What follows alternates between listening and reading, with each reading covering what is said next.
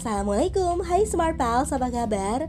Ketemu lagi dengan aku Fairuza Ahmad di Storypie. Masih di season khusus event 30 hari bersuara Gagasan The Podcaster Indonesia. Dan ini adalah episode ke-1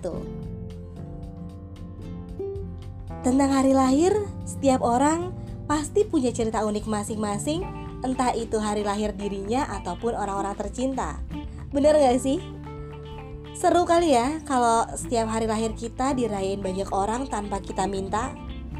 Dan itu adalah pengalaman aku. Ya, lahir di detik-detik menjelang ulang tahun kemerdekaan Indonesia, sejak sekolah, aku tuh selalu merasa banyak orang yang ngerayain. Biasanya kan ya, di sekolah satu hari sebelum hari kemerdekaan ada banyak event kan? Seperti lomba masak, lomba puisi, kelas meeting, Pokoknya bebas jam pelajaran deh. Nah, momen seperti itu biasanya jadi kesempatan teman-teman aku buat ngerjain aku abis-abisan. Plus minta traktiran. Tapi tentunya aku kebanjiran kado juga sih. Nah, keseruan ini berlangsung sampai aku kuliah lah. Pas sudah masuk ke dunia kerja, ya udah kayak nggak ada yang peduli gitu kayaknya. Nah, dulu nih, aku tuh selalu bilang sama mamaku, protes gitu. Kenapa sih kok aku harus lahir 15 menit sebelum tengah malam? Menjelang 17 Agustus, kan nanggung banget ya. Kenapa nggak ditahan sedikit aja gitu biar lahirnya tuh tepat tengah malam? Jadi kan dihitung 17 Agustus gitu kan. Jadi sekalian di hari ulang tahun kemerdekaan gitu. Kenapa nggak ditahan dulu aja sih mah gitu. Ini emang aku ngaco banget sih Dan konyol banget.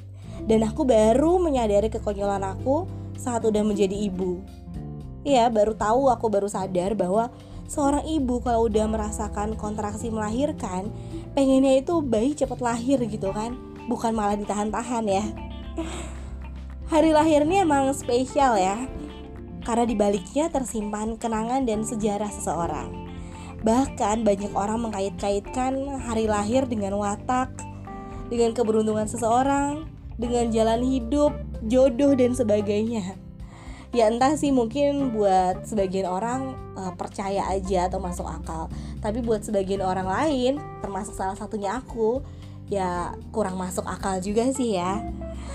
Tapi nih ya semakin dewasa kamu ngerasa nggak sih kalau pandangan atau cara pandang kita nih terhadap hari lahir itu tuh agak bergeser gitu?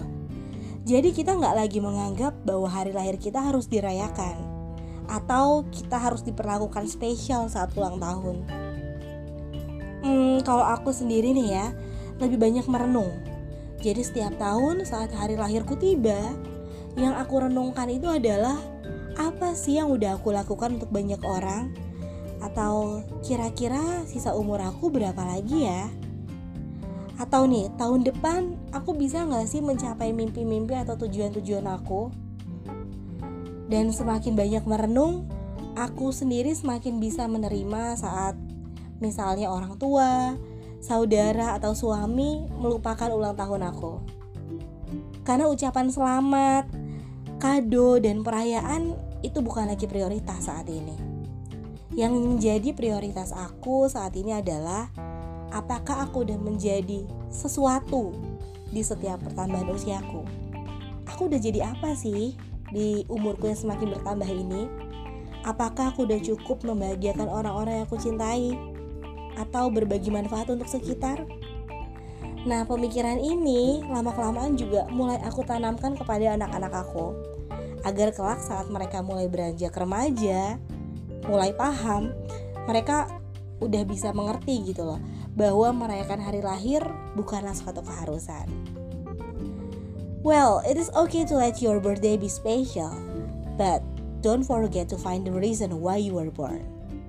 Aku Fairuz Ahmad, sampai jumpa di Story Pie episode kedua, season spesial 30 hari bersuara.